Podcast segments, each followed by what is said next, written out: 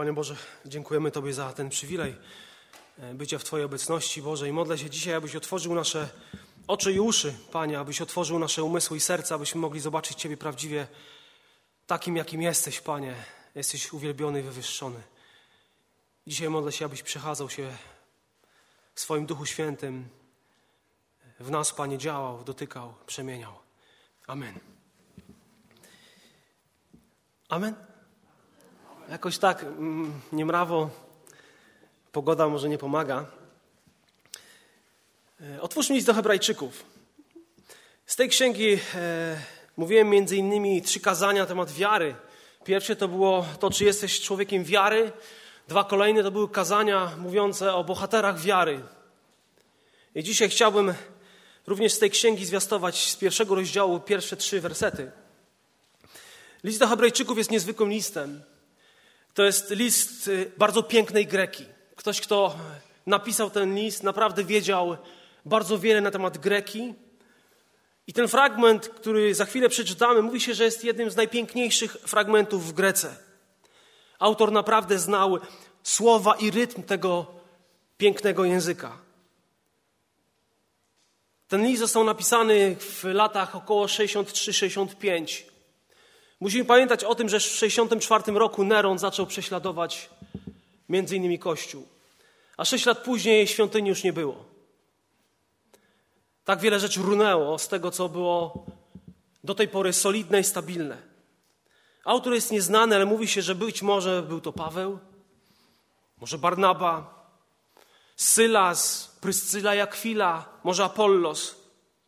I w tym liście przybijają się bardzo ważne treści. Bardzo ważne słowa. Na przykład powtarza się słowo lepszy, wartościowszy, wspanialszy, piękniejszy, przywyższający. I czytamy o tym, że Chrystus jest lepszy. Czytamy o tym, że jest lepsza nadzieja, są, jest lepsza ofiara, lepsze obietnice, przymierze, jest lepsze dziedzictwo, lepsza ojczyzna, lepsze zmartwychwstanie. Gdybyśmy mieli do wyboru dwie rzeczy, coś słabej jakości i coś bardzo dobrej jakości, co wybieracie?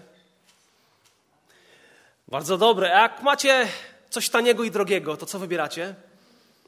No chcemy zazwyczaj to drogie, jak mamy finanse, ale chcemy lepsze, chcemy to, co jest droższe, wspanialsze, prawda?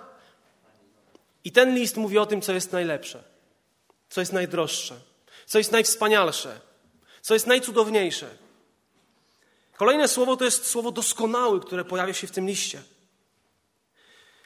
Jest mowa o tym, co jest dopełnione, o czymś, co osiągnęło swój cel rozwoju, o czymś, co jest doskonałe, w pełni rozwinięte, dojrzałe. I ta księga mówi o tym, co jest lepsze i gorsze, co jest doskonałe i nie jest doskonałe.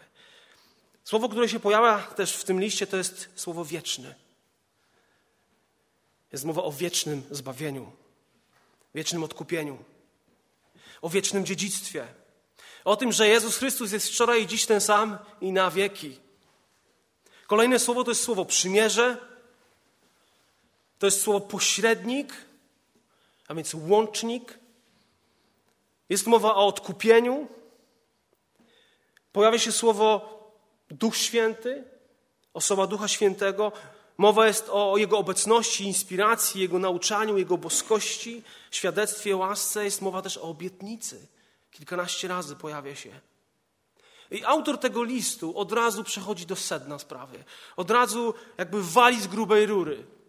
Jest tak inny od innych listów, gdzie na początku jest jakieś przedstawienie autora, pozdrowienia, a tutaj ten autor tego listu od razu mówi bardzo konkretnie.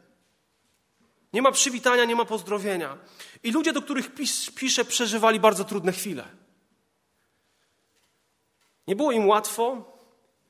Byli kuszeni, aby pewne bardzo wartościowe i cenne rzeczy zostawiać na rzecz tanich. Byli kuszeni, żeby zostawić rzeczywistość, a skupić się na, na cieniach, na czymś, co, co przemija.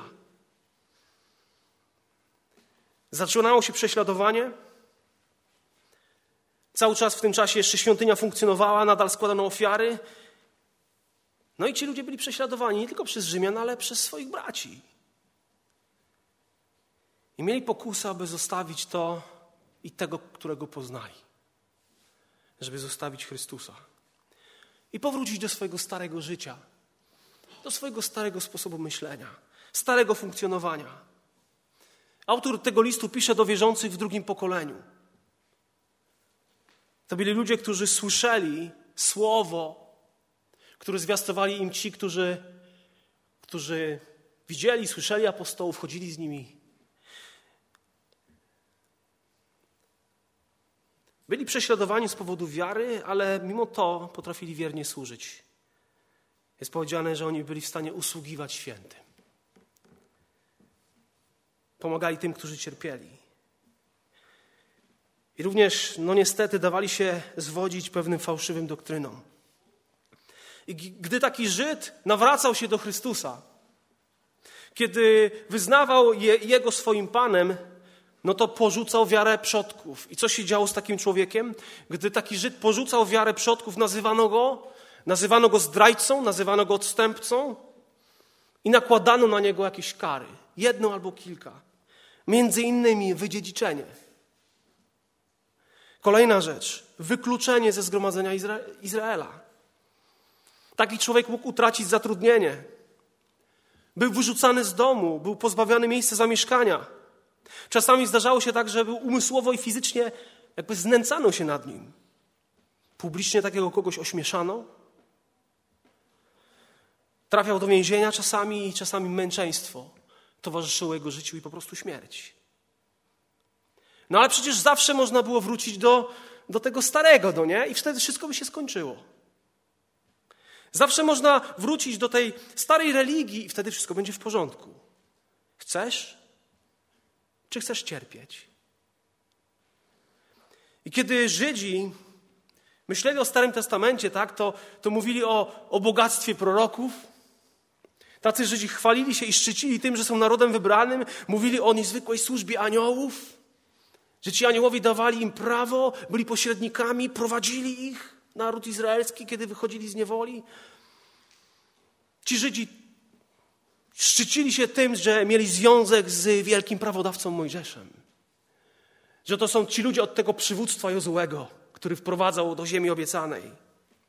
Że oni przecież mają cudowną chwałę kapłaństwa Arona. Mają świątynię wybraną przez Boga. Pan Bóg zamieszkał pośród nich.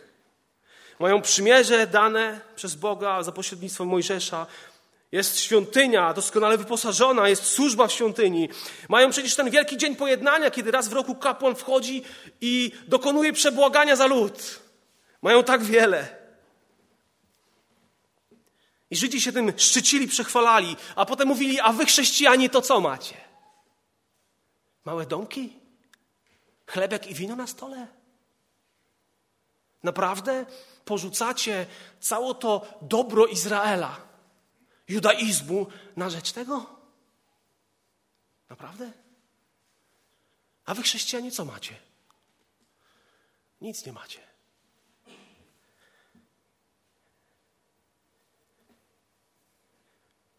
Kiedy otworzymy pierwszą księgę Mojżeszową, tam czytamy o tym, że na początku stworzył Bóg niebo i ziemię. Od razu autor tej księgi mówi o tym, że jest Bóg i coś uczynił. I autor listu do Hebrajczyków również podobnie jak, jak pierwsza księga Mojżeszowa mówi o tym, że Bóg po prostu jest. I on coś zrobił, on przemówił. I w tym tekście czytamy tak. Wielokrotnie i wieloma sposobami przemawiał Bóg dawnymi czasy do ojców przez proroków. Ostatnią kresą tych dni przemówił do nas przez Syna, którego ustanowił dziedzicem wszech rzeczy, przez którego także wszechświat stworzył. On, który jest odblaskiem chwały i odbiciem Jego istoty i podtrzymuje wszystko słowem swojej mocy.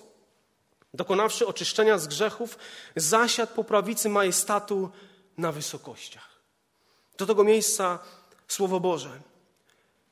Autor tego listu mówi o tym, że wielokrotnie, inne tłumaczenia mówią stopniowo albo w pewnych porcjach, Pan Bóg zaczął przemawiać do ludzi w różnych miejscach, częściach świata, w różnych okolicznościach. Wiemy o tym, że Boże Słowo powstawało przez setki lat. Historia Joba to, to jest historia, która wydarzyła się 2200 lat przed Chrystusem. I te wydarzenia były spisywane i w końcu aż do 400 roku, do czasów Nehemiasza. Stary Testament został zapisany, spisany. Ponad tysiąc lat. I Pan Bóg postanowił w różnych porcjach przemawiać do człowieka, stopniowo i wiele razy. Czynił to przez proroków, którzy byli ustami Pana. To byli tajni doradcy Boga, jak mówiono. Tajni agenci Boga. Amos w trzecim rozdziale, siódmym wersecie mówi tak: Zaiste nie czyni wszechmogący Pan nic, jeżeli nie objawił swojego planu swoim sługom prorokom. To byli heroldzi Boga, którzy przemawiali w Jego imieniu z Jego natchnienia. To byli ci wielcy Starego Testamentu, ci szanowani prorocy.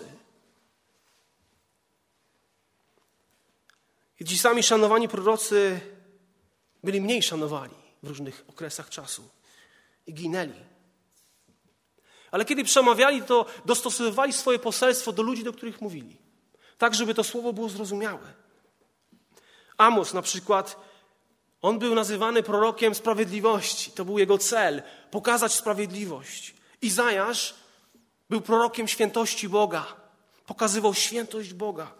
Ozeasz z powodu tych przykrych doświadczeń, które, przez które przechodził, mówił o, o cudzie przebaczenia, o cudzie miłości. I ci prorocy przemawiali do ludu.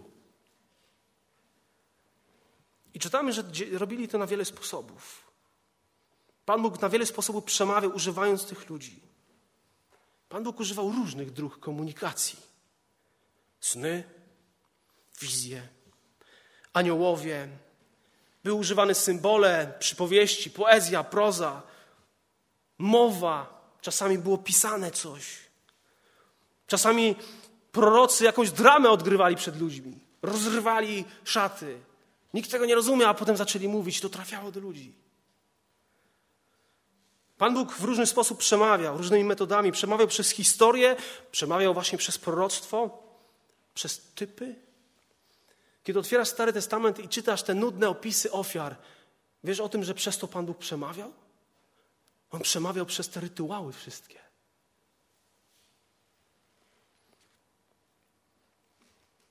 Bo była do przekazania prawda. I to objawienie prorockie było tak bardzo zróżnicowane. Różna forma i styl. I Pan Bóg stopniowo też mówił, tak? Do Abrahama nic nie mówił o jakimś prawie, o całym tym życiu rytualnym, nic jemu nie mówił. Dopiero Mojżeszowi. Potem Dawidowi mówił o przymierzu. I tak dalej, i tak dalej.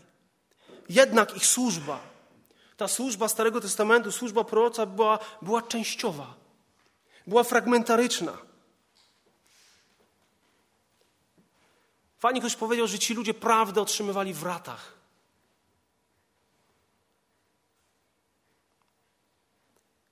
Mieli wspaniałą służbę niezwykłe dzieło do wykonania. Zwiastowali prawdę w porcjach, w ratach. I dawali częściowe, niepełne objawienie. To nie jest tak, że kiedy Izajasz zwiastował, to wszystko wiedział o Mesjaszu. Łączył wszystkie fakty, wiedział co i jak. Nie. I autor tego listu mówi, ale nadszedł dzień, kiedy Pan Bóg przemówił ostatecznie. Kiedy Pan Bóg przemówił w pełni, całkowicie, w stu procentach. Przemówił dobitnie, przemówił głośno, tak żeby każdy człowiek mógł zrozumieć, co się stało. I powiedział: Ostatnio u kresu tych dni przemówił do nas przez syna albo w synu. Żydzi dzielili czas na takie dwa czasy.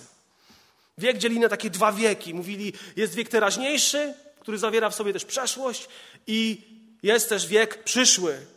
A co rozdziela te wieki? Dzień Pana. On mówi, że kiedy przyjdzie Mesjasz, to dopiero zacznie się ten dobry czas, ten dobry wiek. Dzień Pana wszystko zmieni. A obecnie no, jest ten zły czas. Niedobry czas, bo jeszcze nie ma Mesjasza.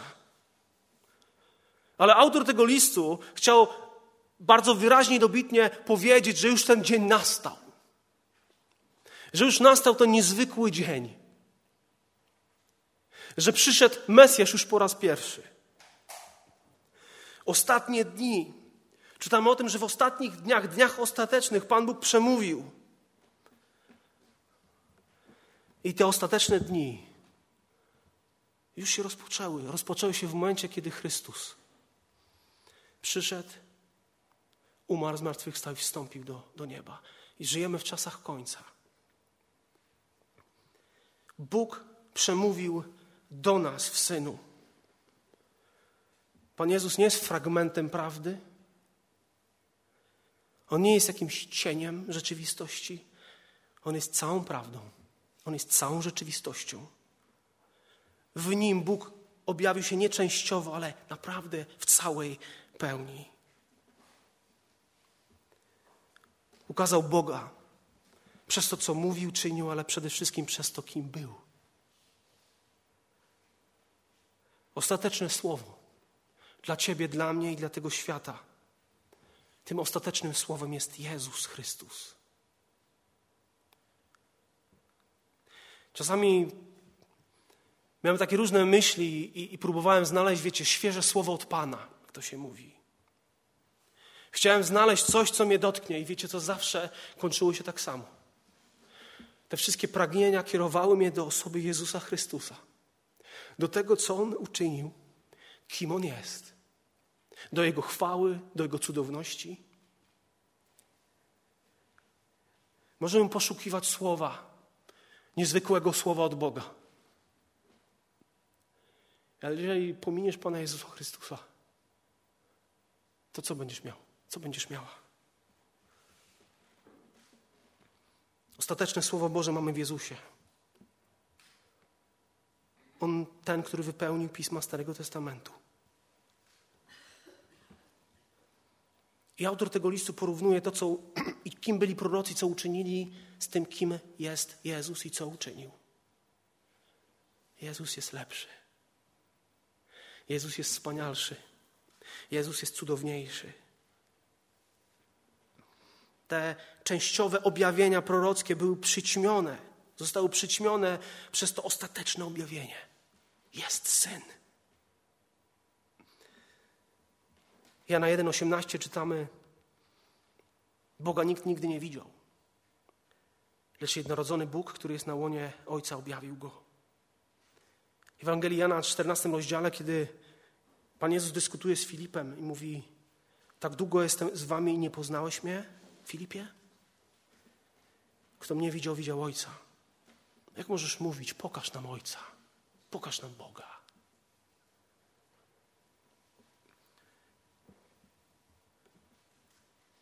Chrystus był, jest i będzie ostatnim słowem Boga.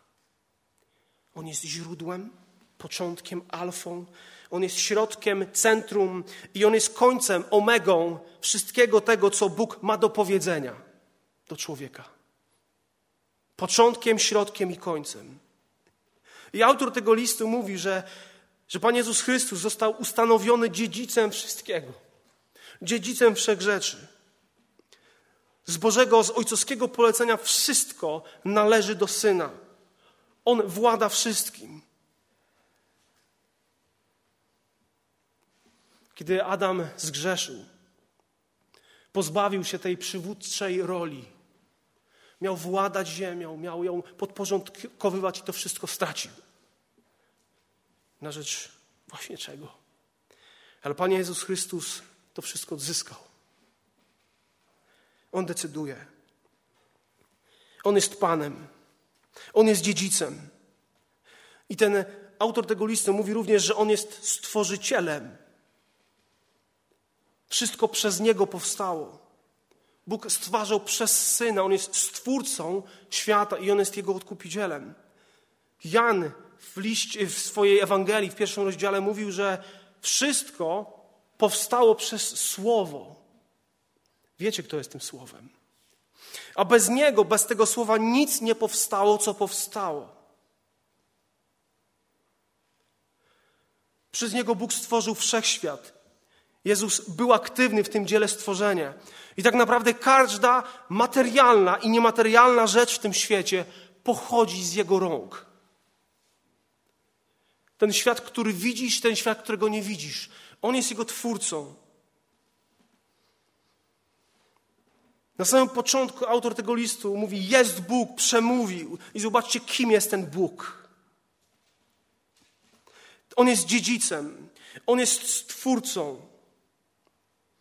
On jest odblaskiem Bożej chwały i odbiciem Bożej istoty. On jest odblaskiem chwały. On jest jaśniejącą światłością Pana Boga. Jeżeli chcesz zobaczyć Boga, spójrz na Jezusa. On jest odblaskiem tej Bożej szekiny. Tam, gdzie była Boża chwała, tam ludzie mogli wiedzieć, że jest Bóg. Adam chodził w Bożej obecności, w Bożej chwale w Edenie, w ogrodzie. Ale potem został wygnany. I Pan Bóg miał taki his, czas historii, kiedy zamieszkiwał pośród ludzi, kiedy zstępował na człowieka. I w pewnym momencie zamieszkał w namiocie zgromadzenia. Był obłok, był ogień, ludzie wiedzieli, że jest Bóg pośród nich. Jego chwała jest razem z nimi. On zamieszkał z nimi. Bóg jest z nami. A to słowo szekina znaczy po prostu mieszkać. Pan Bóg zamieszkał. Nie jesteśmy w stanie oddzielić Chrystusa od Bożej chwały, od natury Pana Boga. On jest odblaskiem Bożej chwały, jest odbiciem Bożej istoty, Bożej natury, Bożego bytu, Bożej substancji dokładnie, Jego postaci, Jego jestestwa całego. Odbicie Jego istoty. To słowo odbicie, wiecie jak brzmi w Grece? Charakter. Charakter. I to słowo charakter oznaczało pieczęć. Tak, narzędzie, które było używane do jakiegoś grawerowania, rzeźbienia, albo po prostu odcisk tej pieczęci na wosku, albo jakiś wybity, wykuty, wypalony, wyciśnięty, odciśnięty na czymś. On jest dokładnym, pod każdym względem odwzorowaniem. On jest wyraźnym obrazem Pana Boga, dokładnym przedstawieniem samej istoty Pana Boga. Jezus Chrystus. Kto mnie ujrzał, ujrzał Ojca.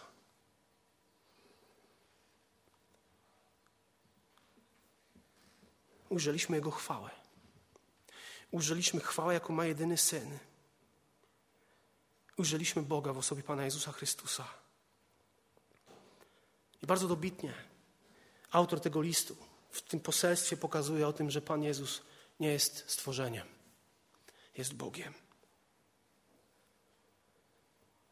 On jest obrazem Boga niewidzialnego, pierworodnym wszelkiego stworzenia. To słowo pierworodne bardzo często w dyskusjach ze świadkami Jehowy mówili, że pierworodny, czyli pierwszy, czyli on był, musiał nie istnieć, a w końcu był stworzony. To znaczy praprzyczyna wszystkiego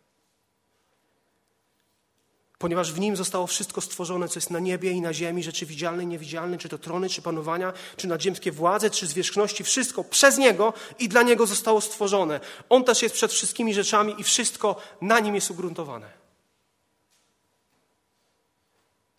A co wy macie, chrześcijanie? Co wy tak naprawdę macie, chrześcijanie? Mamy Chrystusa.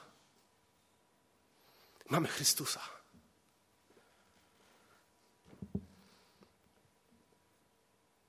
Ponieważ upodobał, podobał sobie Bóg, aby w nim zamieszkała cała pełnia boskości. Kolosan 1,19. I ten, o, który, o którym mówi autor tego listu, mówi, że on wszystko podtrzymuje słowem swojej mocy. Chrystus nie tylko stworzył wszystko, ale tak naprawdę podtrzymuje wszystko. I to słowo podtrzymuje oznacza pewien ciągły ruch i ciągły postęp. Pan Jezus wszystko prowadzi do realizacji tego Bożego celu, Bożego zamierzenia, zamierzenia Ojca. I to słowo podtrzymuje nie oznacza, że jest mu ciężko i to mu wypada z rąk.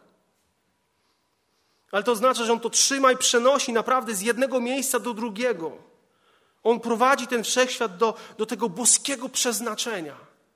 On prowadzi Ciebie i mnie do konkretnego kierunku, do konkretnego miejsca. To jest ten, który trzyma Ciebie w swoich rękach. To jest ten, który, który nie zapomina o Tobie. To jest ten, który doskonale wie, w jakiej sytuacji, w jakim miejscu jesteś, z jakimi problemami się zmagasz, czego potrzebujesz. On to wszystko doskonale wie. On wszystko trzyma w, swojej, w swoim ręku, również Twoje życie i moje życie.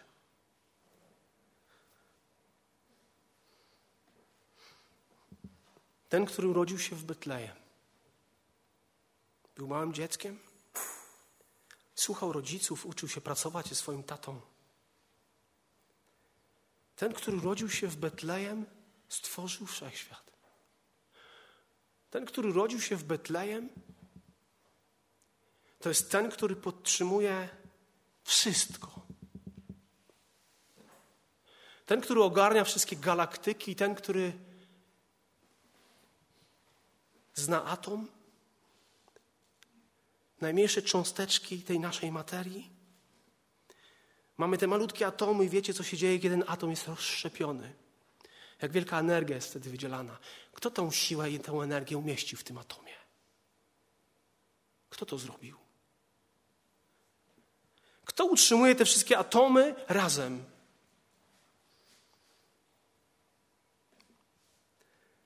Mówi o Bogu, który angażuje się w stworzenie, w wszechświat. To nie jest Bóg, który zostawił wszystko, niech sobie będzie, jak se będzie. Odwracam się, zajmuję się swoimi sprawami. I ten, który podtrzymuje wszystko słowem swojej mocy, autor tego listu mówił, że dokonał oczyszczenia z grzechów. By powstał świat. Boże Słowo mówi, że wystarczy, że, on, że Bóg powiedział i się zadziało. Ale kiedy chodziło o odkupienie człowieka, to on postanowił osobiście zaangażować się w tę sprawę. I przyszedł do ciebie i do mnie. Dokonawszy oczyszczenia z grzechów. Pan Jezus Chrystus jest jedynym czyśćcem w Biblii. Nie ma innego czyśćca. On jest jedynym czyśćcem w Biblii. To On dokonuje oczyszczenia grzechów. I autor tego listu mówi, że On dokonawszy oczyszczenia z grzechów, co zrobił? Usiadł. Wykonało się, dokonane. Tak jak kapłani ciągle stali, nigdy kapłani nie siedzieli. Oni ciągle stali, ciągle składali. I z pewnością, kiedy kapłan raz w roku wchodził do miejsca najświętszego, on nigdy tam nie siedział. On cały czas dokonywał tego przebłagania. Ale Chrystus już nie stoi, on siedzi. Dokonało się zasiadł po prawicy majestatu. Dzieło odkupienia zakończone. Prawa strona to jest miejsce władzy, miejsce autorytetu, miejsce czci, przywileju, chwały, to jest miejsce honorowe. A na tronie siedzi król. Na tronie siedzi ten, który dokonał oczyszczenia, arcykapłan. Ten, który jest zwycięzcą. Ten, który, któremu wszystko jest poddane. Ten, który jest ponad wszelką zwierzchnością, wszelką mocą i wszelkim panowaniem. Co wy macie, chrześcijanie? Mamy Chrystusa. Mamy Chrystusa.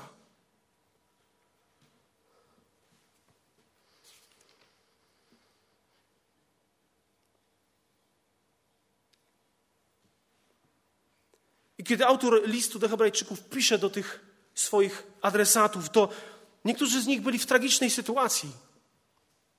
Byli w jakimś takim duchowym zastoju, byli w tym niebezpieczeństwie cofania się w swojej wierze. Niektórzy nawet porzucili regularne nabożeństwa. Nie robili duchowych postępów, nie rozwijali się duchowo. Zaczęły wkradać się różne herezje do ich życia. Kiedy w życiu chrześcijańskim nie idziesz naprzód, to się cofasz to nie realizujesz tej Bożej woli, tego Bożego planu.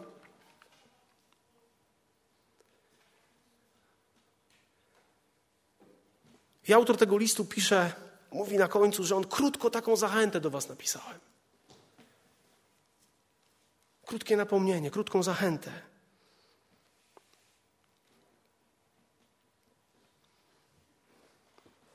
Ten, o którym pisze ten autor, jest Bogiem. Piotr w trzecim rozdziale swojego listu, w 22 wersecie mówi o tym, że Pan Jezus wstąpił na niebiosa, siedzi na prawicy Bożej, poddani mu są aniołowie i zwierzchności i moce. I kiedy wpatrujesz się w Pana Jezusa Chrystusa, to prorocy bledną. To najwspanialsi królowie historii Izraela bledną. To naj, nawet najbardziej, najsilniejsi sędziowie z wielką władzą bledną porównaniu z Panem Jezusem Chrystusem. On jest jedynym pośrednikiem. On jest jedynym królem. Jedynym pośrednikiem między Bogiem i człowiekiem. I kiedy on siedzi po prawicy majestatu chwały.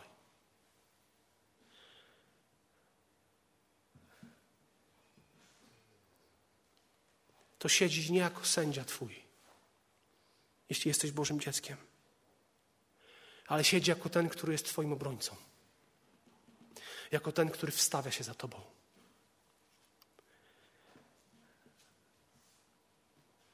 I kiedy zbliżysz się do Boga, to nie usłyszysz Jego sprawiedliwego wyroku, ale usłyszysz pełną miłość obronę.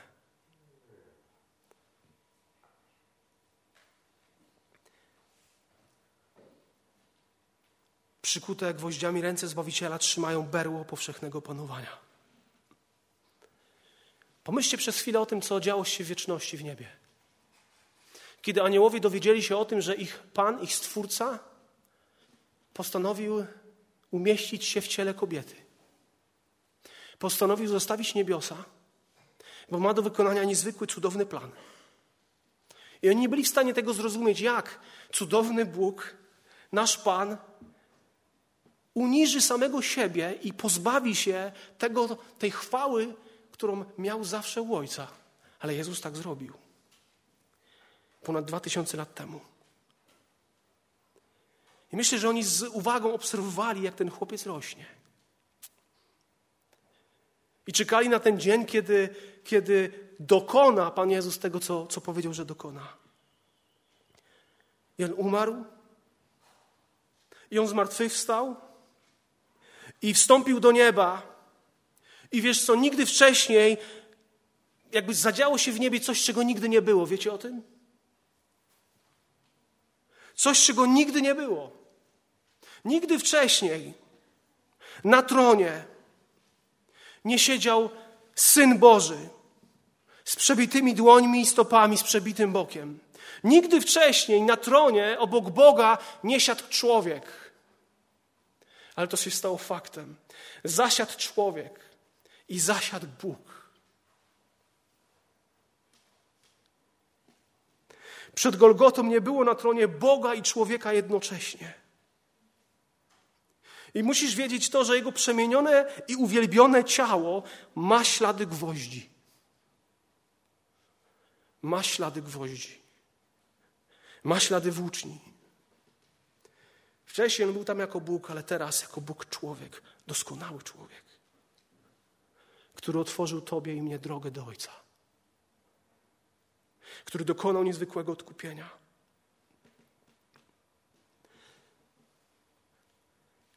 Autor listu do Kolosan, apostoł Paweł w drugim rozdziale tego listu powiedział i macie pełnię w Nim. I macie pełnię w Nim. Ktoś powiedział teraz, w niebiosach jest człowiek. Ale Kościół stracił go z oczu. Teraz w niebiosach jest człowiek, ale Kościół stracił go z oczu. I kiedy patrzysz na to, co się dokonało, kiedy patrzysz na uwielbionego Chrystusa, to wiecie co? Nigdy nie będziemy mieć wystarczająco dużo wdzięczności. Także no naprawdę jestem już tak wdzięczny, że no to chyba już jakoś odwzajemniłem Tobie, Panie Boże, to, co zrobiłeś. Na tronie siedzi ten, który osobiście każdego wierzącego oczyścił z grzechów i oczyszcza którym pokazuje swoją moc. I kiedy studujesz ten list, to zaczynasz zadawać sobie pytanie, czemu tak naprawdę ufam? Czego chcę się trzymać? Czy chcę się trzymać rzeczy najlepszych, najbardziej drogich, najbardziej wartościowych, czy rzeczy tanich? Czy chcę się trzymać Chrystusa, czy innych rzeczy? I list do Hebrajczyków jest odpowiedzią na pytanie, co posiadasz, co masz. Masz Chrystusa, który jest lepszy, który jest wyższy, wspanialszy. I tak jak gwiazdy, wiecie, scholą, schodzą z pola widzenia, kiedy budzi się słońce, tak wszystko po prostu blednie w porównaniu z osobą Jezusa Chrystusa. I kiedy zaczynamy to rozumieć, to wszystko, kim On jest, co On uczynił, co mamy w Nim i przez Niego, i kiedy zaczynamy Go poznawać, kiedy odkrywasz wartość i cenność Chrystusa, to nie pragniesz niczego, nikogo innego, jak tylko Jego. Czasami zastanawiam się, dlaczego były i są takie momenty w moim życiu, że ja Go nie pragnę tak mocno. Może dlatego, że pewne rzeczy mi zamazały Jego obraz. I nie widzę Go takim, jakim On naprawdę jest.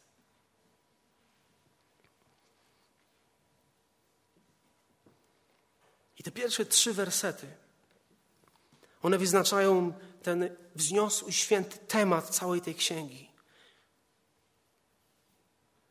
I autor udowadnia, że Pan Jezus jest lepszy.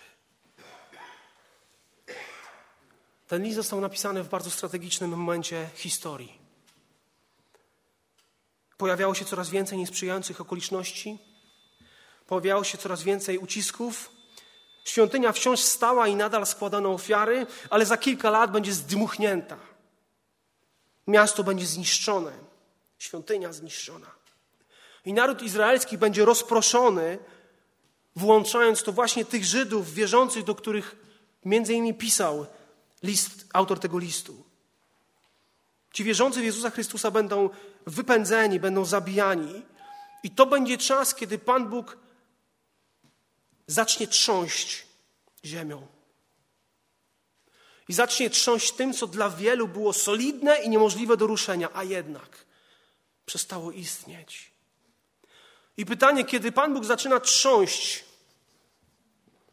to czy Kościół wtedy będzie, będzie się chwiał? Czy Kościół będzie kościołem, który będzie się bał? Czy Kościół będzie kościołem, który będzie się rozpadał? Czy będzie kościołem wpatrzonym w Jezusa?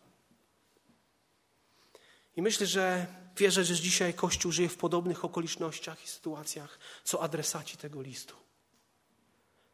Wszystko wokół nas się trzęsie. Wszystko wokół nas się trzęsie i się zmienia. Trzęsie się dzisiaj ekonomia na świecie. Trzęsą się finanse, trzęsie się społeczeństwo, trzęsą się narody, Europa i świat, trzęsie się polityka, trzęsie się służba zdrowia, trzęsą się rodziny, trzęsą się kościoły. I wtedy, kiedy tak właśnie jest i musi być, musi być to potrząsanie Boże, to pytanie.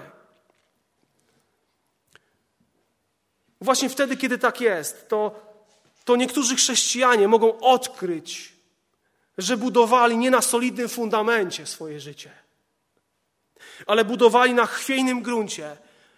Niektórzy chrześcijanie, kiedy ich życie zaczyna się dopiero trząść, odkrywają, że ufali stworzeniu, a nie stwórcy.